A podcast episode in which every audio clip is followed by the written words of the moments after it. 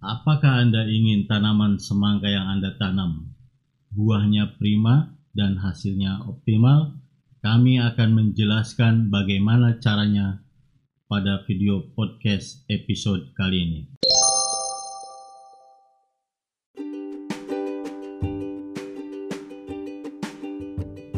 Oke, sahabat Mutiara, Assalamualaikum warahmatullahi wabarakatuh. Ketemu lagi dengan saya, Ermain. Pada video podcast kali ini saya akan bahas tentang semangka. Buah yang satu ini memang banyak diminati khususnya di Indonesia. Setiap acara penduren, terus perkawinan apa ini selalu disajikan buah satu ini karena bisa dimakan dengan segar dan manis.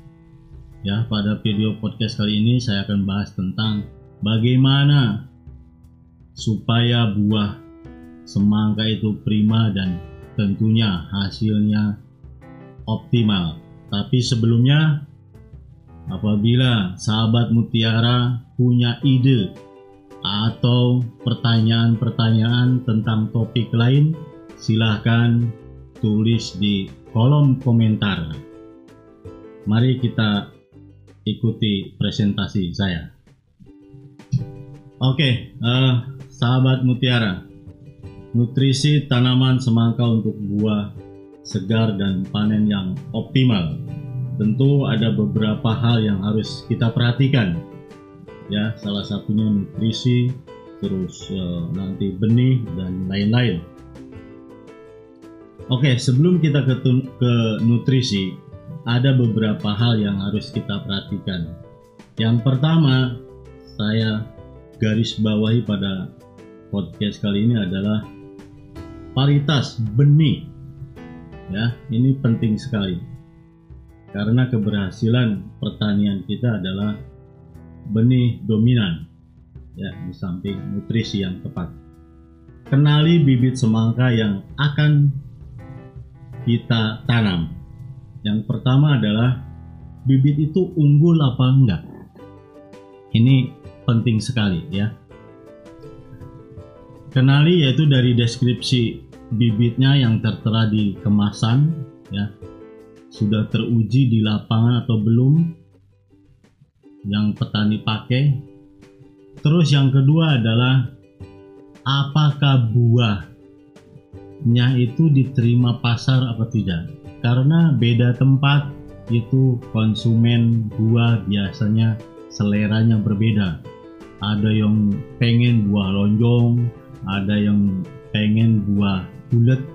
Kadang-kadang ada yang oh saya lebih senang yang non biji. Oh saya lebih lebih seger yang berbiji. Nah itu harus kenali ya. Nah biasanya di Lampung ini eh, konsumen itu menyukai buah lonjong atau oval. Oke, kriteria uh, bibit semangka yang unggul. Yang pertama adalah daya tumbuhnya serempak. Apabila kita semai di lahan persemaian, nah itu kita bisa lihat daya tumbuhnya atau viabilitasnya berapa persen sesuai nggak dengan kemasan yang yang tertera di kemasan e, benih tersebut ya Terus yang kedua adalah tahan saat dipindah tanam sehingga tidak mengalami stagnasi yang lama. Itu biasanya eh, ciri-ciri bibit atau benih unggul semangka seperti itu. Terus yang ketiga, tahan tidak terhadap serangan penyakit. Karena ada beberapa uh, bibit memang sudah didesain untuk lebih tahan terhadap serangan uh, penyakit terutama. Oke, ini Kenapa kita harus mengetahui tahapan atau fase demi fase eh, setiap tanaman khususnya semangka? Karena kita akan meletakkan nutrisi atau perlakuan terhadap tanaman tersebut. Kalau kita sudah bisa mengamatinya, kita sudah paham tentang fase-fasenya, maka hasilnya pun akan maksimal. Oke, yang pertama adalah sebelum ya kita berbuah itu ya ini lihat gambar ya tanaman umur eh, tujuh hari setelah tanam ya. Terus yang kedua ini adalah 12 atau 14 hari AST nah di sini kita ada perlakuan biasanya potong atau eh, rempel ya potong utama batang utama itu dilempel tujuannya apa untuk supaya membentuk atau menghasilkan tunas-tunas produktif yang lebih banyak. Nah, terus 14 sampai 16 ini cabang produktif sudah mulai tumbuh ya. Nah, kita nanti kita bisa seleksi nih. Kita mau mau seleksi berapa cabang? Silahkan. Ada dua, ada tiga, atau ada empat. Nah, ini cabang-cabang uh, produktif ini penting sekali karena nanti hubungannya dengan jumlah buah semangka yang akan kita uh, pelihara. Terus nanti di umur 25 atau 23 sampai 35 itu adalah proses polinasi atau penyerbukan. Kenapa kita bantu? Supaya hasilnya jadi nanti kita pilih buahnya itu lebih banyak yang kita bisa pilih ini ya. Makanya kita harus bantu polinasi atau penyerbukannya. Nah ini umur 45 hari setelah tanam ini eh, apa buah sudah mulai besar ya. Ini sekitar ya 15 hari setelah polinasi eh, terus umur 50 6 atau 65 itu sudah mulai besar dan mulai siap dipanen. Oke, kenapa kita perlu pertunasan? Yaitu tadi saya sebutkan itu salah satunya adalah untuk memperbanyak cabang produktif nantinya hubungannya dengan jumlah buah yang akan kita pelihara. Pertunasan tanaman normal biasanya dilakukan 12 HST setelah tanam. Ya. Itu biasanya daun kelima, tetapi jika tanaman pertumbuhannya lambat, itu bisa lebih dari 12 HST. Ya. Terus pemeliharaan cabang produktif berkisar 3 sampai 4 cabang. Nah, ini terserah kita kita mau memelihara berapa buah satu pohonnya. Setiap cabang yang muncul bunga betina untuk dibuahkan. Jadi setiap cabang itu nanti akan muncul bunga betina dan itu akan kita siap polinasi ya supaya tadi saya singgung bahwa polinasi untuk supaya kita memilih buah lebih banyak yang bagus. Terus pemeliharaan buah eh, pada daun ke-12 sampai ke-14. Nah, tapi biasanya petani itu kebiasaannya ngasih cadangan ya. Cadangan supaya nanti buah pertama susah untuk di eh, apa menghasilkan yang bagus nah maka kita perlu juga eh, untuk cadangan yaitu di daun ke 17 sampai 19 Kriteria untuk uh, polinasi atau penyerbukan tanaman semangka. Polinasi penyerbukan dilakukan di saat bunga kedua setelah muncul, ya. Itu biasanya 28 sampai 30 HST. Terus polinasi penyerbukan atau penyerbukan dilakukan idealnya itu selama 7 hari. Maksimum itu 10 hari.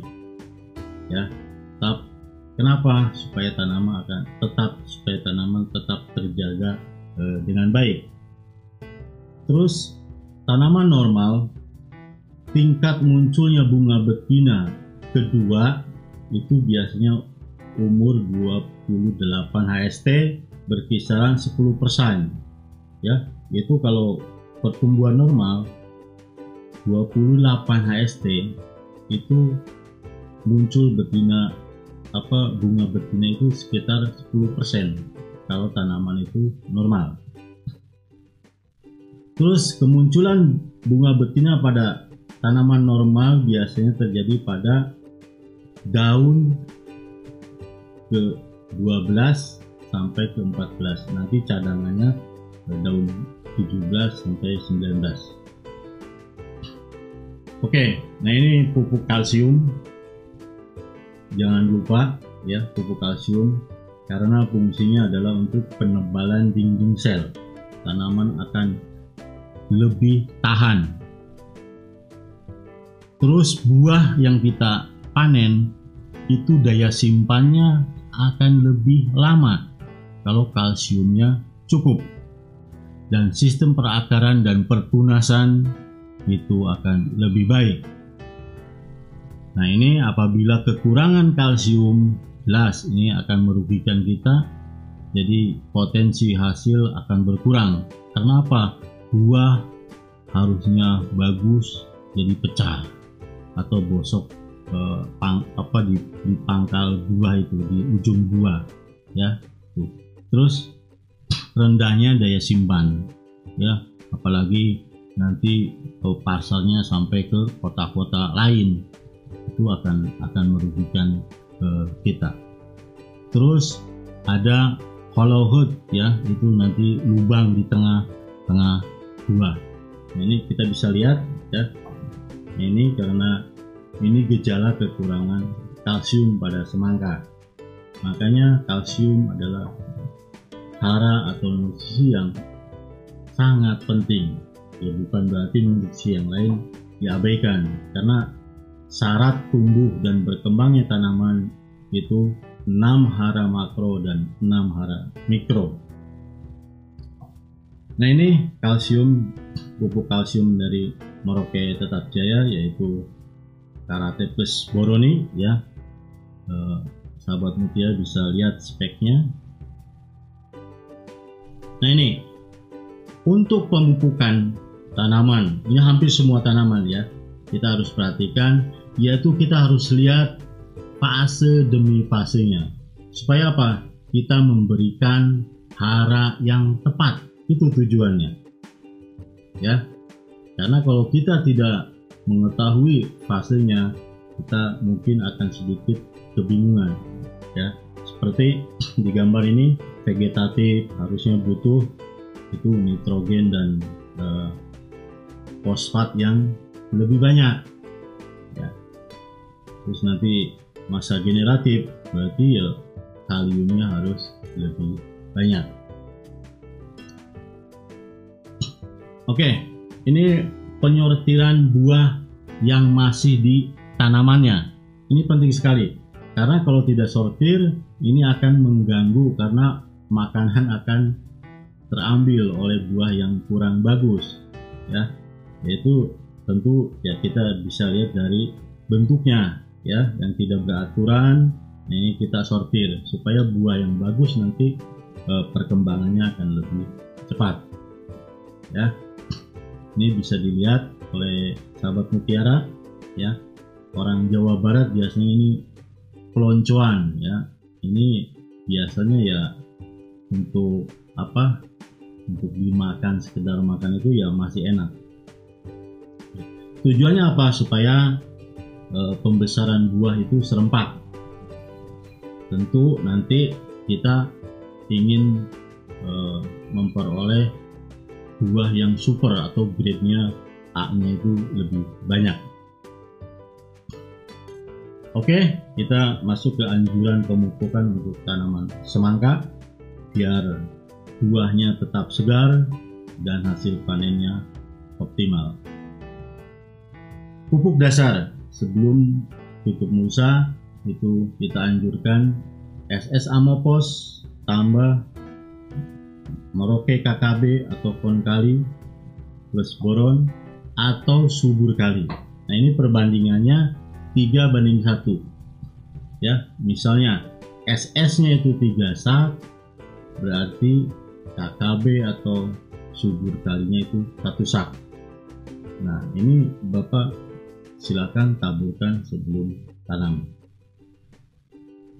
Terus dengan pupukan dasar ini kita diharapkan bahwa pertumbuhan itu akan serempak ya sistem perakaran yang bagus karena SS amopos ini ya kandungannya nitrogen, fosfat dan sulfur. Terus tanaman akan lebih kokoh. Ini masa pemupukan susulan ya, itu 7 HST sampai 14 HST, berarti ada dua kali ini ya.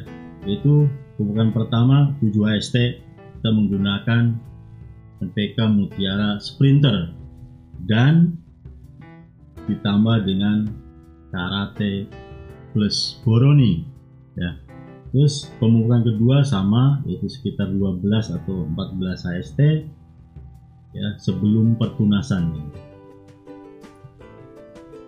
nah terus pemupukan susulan berikutnya yaitu 18 sampai 12 eh sampai 20 HST nah ini kita menggunakan ini pupuk yang legend ya sahabat mutiara yaitu NPK mutiara 1616 tetap pupuk kalsiumnya karate plus boronnya itu harus tetap ikut. Karena apa? Kalsium keberadaannya harus konstan selalu ada nah ini ada dua pemupukan ya. Nomor 24 sampai 26 HST nah ini langsung ke pemupukan pembesaran buah kok kenapa langsung 39 atau 44 HST karena kita harus beri jeda dulu. Tanaman ini sedang melakukan e, penyerbukan atau polinase. Kita jangan ganggu. Ini sedang e, apa melakukan kawin ya perkawinan atau polinasi nah ini pada pemupukan 39 dan 44 HST kita menggunakan ini juga pupuk yang legend yaitu eh, NPK Mutiara Grower.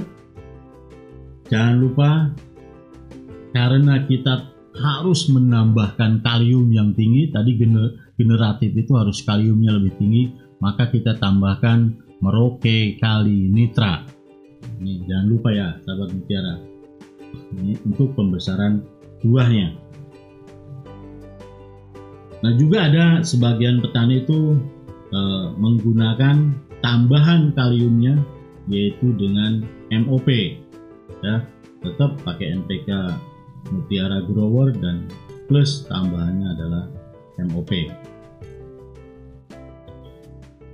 itu adalah hara makro yang tadi. Nah sekarang mikronya apa? Kita pakai Merauke Vitoflex ya.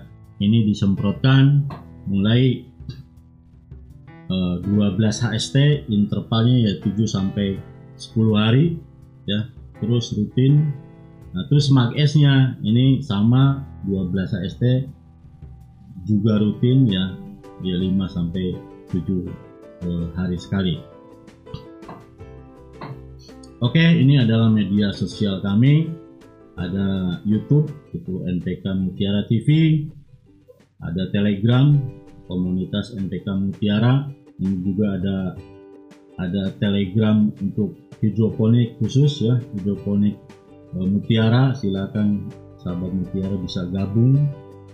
Terus ada website kami e, npkmutiara.com sahabat mutiara bisa berkunjung ke website kami itu akan mendapatkan informasi-informasi tentang pertanian terus ada Facebook kami yaitu Merauke Tetap Jaya dan jangan lupa ya follow Instagram kami yaitu Merauke Tetap Jaya.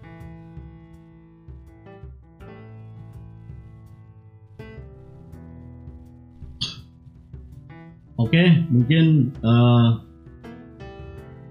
itu dari presentasi dari kami dan sebelum nanti kami tutup, kami akan simpulkan sedikit yaitu untuk menghasilkan buah yang segar dan hasil panen yang optimal kita bisa yang pertama adalah pemilihan benih yang harus jeli ya.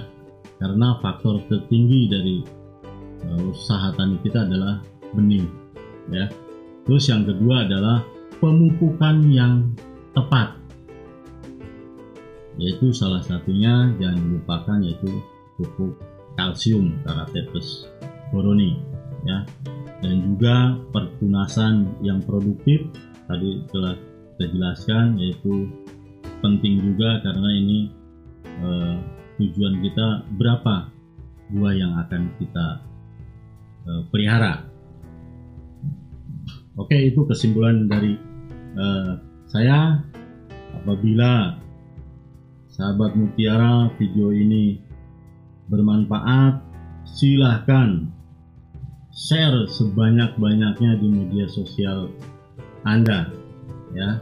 Ini sebagai motivasi kami untuk membuat video-video podcast lainnya.